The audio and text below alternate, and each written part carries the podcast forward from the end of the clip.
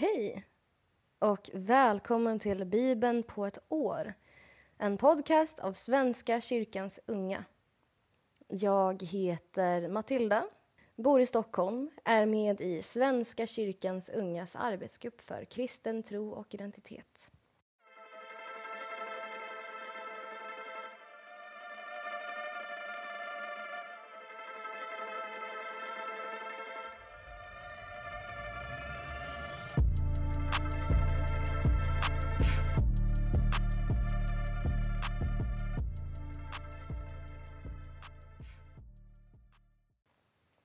Ja, får jag läsa för er idag igen? Tack! Det vill jag jättegärna göra. Men jag tänker att vi ska be innan vi börjar. Tack Gud för denna dag. Tack för alla de gåvor du ger oss varje dag som vi både ser och inte ser. Tack för att du öppnar våra ögon både fysiskt och metafysiskt så att vi ser din glädje och din kärlek. Tack för alla oss som lyssnar och tack för alla oss som vi har runt omkring oss. I Jesu namn. Amen. Vi läser vidare, helt enkelt. Eh, igår slutade vi i Fjärde Moseboken kapitel 15, där, lite mitt i. Så nu ska jag fortsätta från kapitel 15, vers 17. Herren talade till Mose. Säg till israeliterna. När ni kommer in i det land som jag ska föra er till och ni äter av det bröd landet ger ska ni offra en gåva åt Herren. Den första brödkakan ni bakar ska vara er offergåva. På samma sätt när ni ger en offergåva från tröskplatsen. Det första som ni bakar ska ni genom alla släktled ge som gåva åt Herren. Om ni eller era efterkommande utan uppsåt försummar att följa dessa bud under tiden från Herrens första befallning och allt framgent, de bud som Herren gav Mose, allt det som Herren har befallt er genom honom, då gäller detta. Om det är menigheten som har begått en ouppsåtlig försyndelse ska hela menigheten offra en ungtjur som brännoffer en lukt som gör Herren nöjd tillsammans med de föreskrivna mat och dryckesoffren och därtill en getabock som syndoffer. Prästen ska bringa försoning åt hela den israelitiska menigheten och de får förlåtelse. Ty det var fråga om en försyndelse utan uppsåt och de har inför Herren burit fram sin gåva, ett eldoffer åt Herren och sitt syndoffer för denna ouppsåtliga försyndelse. Hela den israelitiska menigheten ska få förlåtelse, även invandraren som bor där. Hela folket hade ju del i försyndelsen. Om en enskild syndar utan uppsåt ska han bära fram en årsgammal get som syndoffer. Prästen ska inför Herren bringa försoning åt den som har felat genom sin ouppsåtliga synd och han får försoning och förlåtelse. Samma lag ska gälla för var och en av er som syndar utan uppsåt, för de infödda israeliterna lika väl som för invandrarna hos dem. Men om någon, infödd eller invandrare, handlar med berått mod hädar han Herren och ska utstötas ur sitt folk. Han har föraktat Herrens ord och brutit hans bud han måste utstötas. Han har dragit skuld över sig. När israeliterna var i öknen ertappades en man med att samla ved på sabbatsdagen. De som kom på honom med det förde honom inför Mose och Aron och hela menigheten. Mannen satte sig i försvar eftersom de inte hade fått något besked om vad som skulle göras med honom. Herren sade till Mose Mannen ska straffas med döden. Hela menigheten ska stena honom utanför lägret. Menigheten förde honom utanför lägret och stenade honom till döds, så som Herren hade befallt Mose. Herren sade till Mose Säg till israeliterna att de och deras efterkommande ska sätta tofsar i hörnen på sina mantlar och i varje tofs en violett tråd. När ni ser på de tofsar som ni har gjort på detta sätt ska ni minnas alla Herrens bud och följa dem istället för att irra omkring i den trolöshet som era hjärtan och ögon förleder er till. Ni ska minnas alla mina bud och följa dem och vara helgade åt er Gud. Jag är Herren, er Gud, som förde ut er ur Egypten för att vara er Gud. Jag är Herren, er Gud. Korach, son till Jishar, son till Kehat, son till Levi, samt rubeniterna, Datan och Aviram, Eliavs söner och On, Petets son, utmanade Mose och trädde fram till honom tillsammans med 250 israeliter, menighetens hövdingar och utvalda talesmän, alla med stort anseende. De samlades kring Mose och Aron och anklagade dem. Ni har gått för långt. Hela menigheten är helig, allesammans, och Herren finns mitt bland dem. Varför vill ni vara för mer än Herrens församling? När Mose hörde detta föll han ner på sitt ansikte. Sedan talade han till Korach och hela hans menighet. Imorgon ska Herren ge besked om vem som är hans och vem som är helig. Den mannen får komma nära honom. Den som Herren väljer får komma nära honom. Du, Korach, och hela din menighet ska göra så här. Ni ska ta fram fyrfat och imorgon ska ni lägga glöd i dem och strö över rökelse inför Herren. Den man som Herren då väljer är den helige. Leviter, det är ni som har gått för långt. Och Mose sa det till Korach, hör på leviter, räcker det inte att Israels Gud har avskilt er från Israels menighet och låtit er komma nära honom för att utföra arbetet vid Herrens boning och bistå menigheten som dess tjänare? Han har låtit dig och alla dina levitiska bröder komma nära sig men nu kräver ni dessutom att få vara präster. Ni har alltså sammansvurit er mot Herren, du och hela din menighet. Aron betyder ingenting.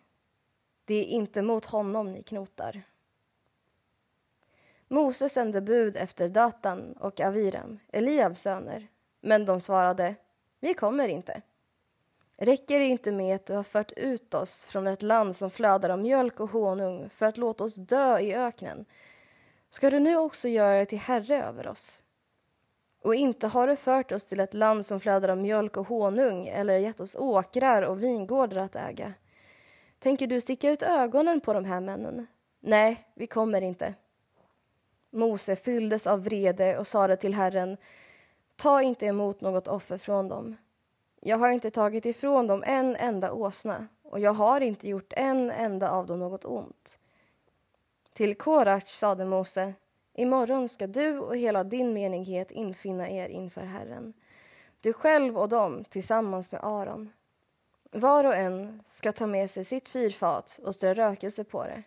Alla ska bära fram sina fyrfat inför Herren, 250 stycken, och du och Aron ska också ta med era fyrfat. Alla tog sina fyrfat och de lade i glöd och strödde över rökelse. De ställde sig vid ingången till uppenbarelsetältet, liksom Mose och Aron. Korash samlade hela menigheten mitt emot dem, alla vända mot uppenbarelsetältets ingång. Herrens härlighet visade sig för hela menigheten och Herren talade till Mose och Aron.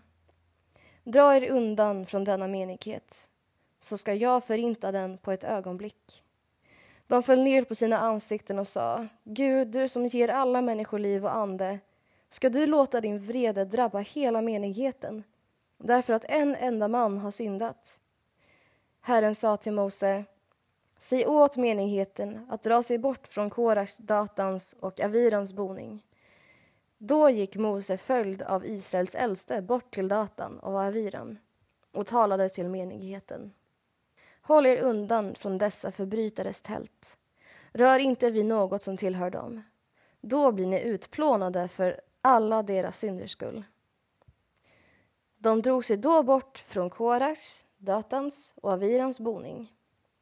Datan och Aviram hade gått ut och ställt sig i tältdörrarna tillsammans med hustrur och barn och spädbarn. Mose sa, Så här ska ni få veta att det är Herren som har sänt mig att utföra allt det som jag gör och att jag inte gör något på eget bevåg. Om dessa människor dör en vanlig död och delar människors vanliga öde, då har Herren inte sänt mig.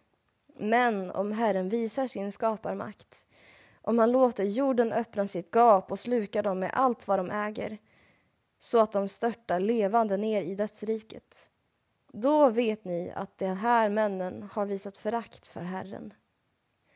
Just när han hade sagt detta rämnade marken under dem.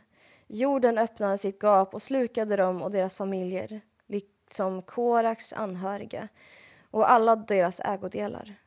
De störtade levande ner i dödsriket med allt vad de ägde. Jorden slöt sig över dem och de var utplånade ur församlingen. Alla israeliter som fanns i närheten flydde bort vid deras skrik i skräck för att själva slukas av jorden. Och eld sköt ut från Herren och förbrände de 250 män som hade offrat rökelse. Herren talade till Mose. Säg till prästen Elasar, Arons son, att han ska dra fram fyrfatet ur askan. Sprid sedan ut glöden. Fyrfaten är heliga de som bars av dessa syndare som förverkade sina liv. De ska hamras ut till tunna plåtar som ska täcka altaret ty de blev heliga när de fördes fram inför Herren. Så blir de en varning för israeliterna. Prästen Elasar tog kopparfyrfaten som hade burits fram av dem som förbrändes och de hamnades ut för att täcka altaret. Så skulle de påminna israeliterna om att en obehörig, en som inte är av Arons släkt, aldrig får komma inför Herren och tända rökelse för att det inte ska gå som det gick med Korash och hans menighet. Elasar gjorde som Herren befallt honom genom Mose. Det var dagens fjärde Mosebok. Jag kommer fortsätta läsa ur Markus jag läser från kapitel 15. Tidigt på morgonen överlade översteprästerna med de äldste och de skriftlärda hela rådet. De lät binda Jesus och förde bort honom och överlämnade honom till Pilatus. Pilatus frågade honom Du är alltså judarnas kung? Han svarade Du själv säger det. Översteprästerna riktade många anklagelser mot honom och då frågade Pilatus honom Har du ingenting att svara? Du hör ju hur de anklagar dig. Men han svarade ingenting mera och Pilatus blev förvånad. Vid högtiden brukade Pilatus alltid frige en fånge åt dem, den som de bad om. Nu satt en som kallades Barabbas fängslad tillsammans med upprorsmännen som hade begått mord under oroligheterna. Folket tågade upp till Pilatus och bad honom göra som han brukade. Han svarade, vill ni att jag ska släppa judarnas kung? Han förstod att det var avund mot Jesus som översteprästerna hade utlämnat honom. Men översteprästerna hetsade upp folket till att begära att han skulle släppa Barabbas istället. Pilatus sade på nytt, vad ska jag då göra med honom som ni kallar judarnas kung? De ropade korsfäst honom. Pilatus frågade vad har han gjort för ont? Men de ropade ännu högre korsfäst honom. Pilatus, som ville göra vad folket begärde, frigav Barabbas. Jesus lät han piska och utlämnade honom sedan till att korsfästas. Soldaterna förde in honom på gården, alltså i residenset och kallade samman hela vaktstyrkan. De klädde honom i en purpurröd mantel och vred ihop en krans av törne och satte den på honom. Sedan hälsade de honom ”Leve judarnas konung!” De slog honom i huvudet med en käpp, spottade på honom och föll på knä och hyllade honom.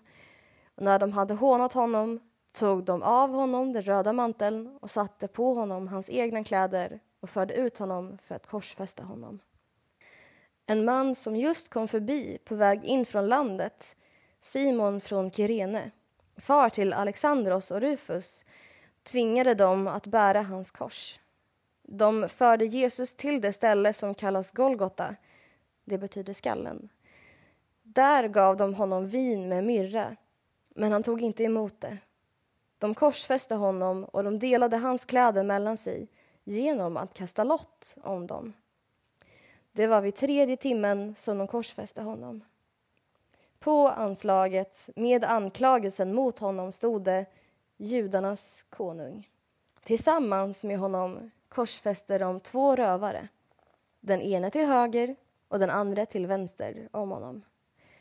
De som gick förbi smädade honom och skakade på huvudet och sa Du som river ner templet och bygger upp det igen på tre dagar, hjälp dig själv nu och stig ner från korset. Likaså gjorde översteprästerna de skriftlärda narr av honom sinsemellan och sa andra har han hjälpt, men sig själv kan han inte hjälpa. Han som är Messias, Israels konung, nu får han stiga ner från korset så att vi kan se det och tro på honom. Också de som var korsfästa tillsammans med honom skymfade honom. Vid sjätte timmen föll ett mörker över hela jorden och varade till nionde timmen. Vid nionde timmen ropade Jesus med hög röst Eloi, Eloi, lema sebastani. Det betyder min Gud, min Gud, varför har du övergivit mig? Några som stod intill hörde det och sa Han ropar på Elia. En av dem sprang bort och fyllde en svamp med surt vin satte det på en käpp och gav honom att dricka och sa Låt oss se om Elia kommer och tar ner honom. Med ett högt rop slutade Jesus att andas. Och då brast förhänget i templet i två delar, uppifrån och ända ner. När officeren som stod vänd mot honom såg honom ge upp andan på det sättet sa han den mannen måste ha varit Guds son. Längre bort stod också några kvinnor och såg på och bland dem var Maria från Magdala och den Maria som var Jakob, den yngres och Josefs mor och Salome.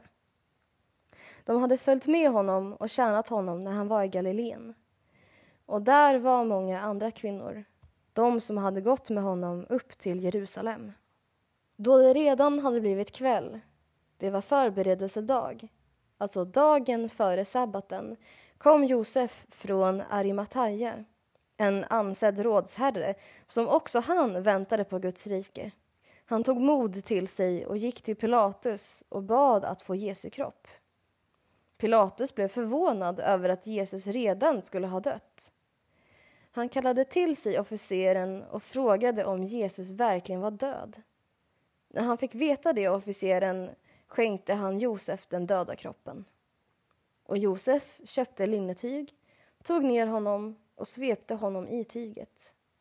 Han lade honom i en grav som var uthuggen i berget och rullade en sten för ingången till graven. Maria från Magdala och Maria, Josefs mor, såg var han blev lagd. Jag läser också från Saltaren nummer 54. För körledaren, till stränginstrument en dikt av David när mannen från Sif hade talat ont för Saul att David höll sig gömd hos dem. Rädda mig, Gud, genom ditt namn. Skaffa mig rätt genom din kraft. Gud, hör min bön. Lyssna till mina ord. De övermodiga angriper mig. Våldsmän står efter mitt liv. De räknar inte med Gud. Men Gud är min hjälpare. Herren är mitt stöd. Vänd det onda mot mina motståndare. Förinta dem, du som är trofast. Gärna vill jag offra åt dig och prisa ditt namn, Herre. Ty det är gott. Du befriar mig ur all nöd och jag ska se mina fienders fall. Jag läser också ur Ordspråksboken kapitel 11, vers 5-6. Den redbares rättfärdighet jämnar hans väg. Den onde faller på sin ondska. Den ärlige räddas av sin rättfärdighet. Den svekfulla snärjs av sina begär. Tack för idag och tack för att ni har lyssnat. Vi ber Gud som haver tillsammans. Gud som haver barnen kär, se till mig som liten är. Vart jag mig i världen vänder står min lycka i Guds händer. Lyckan kommer, lyckan går. Du förbliver Fader vår. Amen. Tack återigen. Vi hörs och ses imorgon. Guds frid tills dess.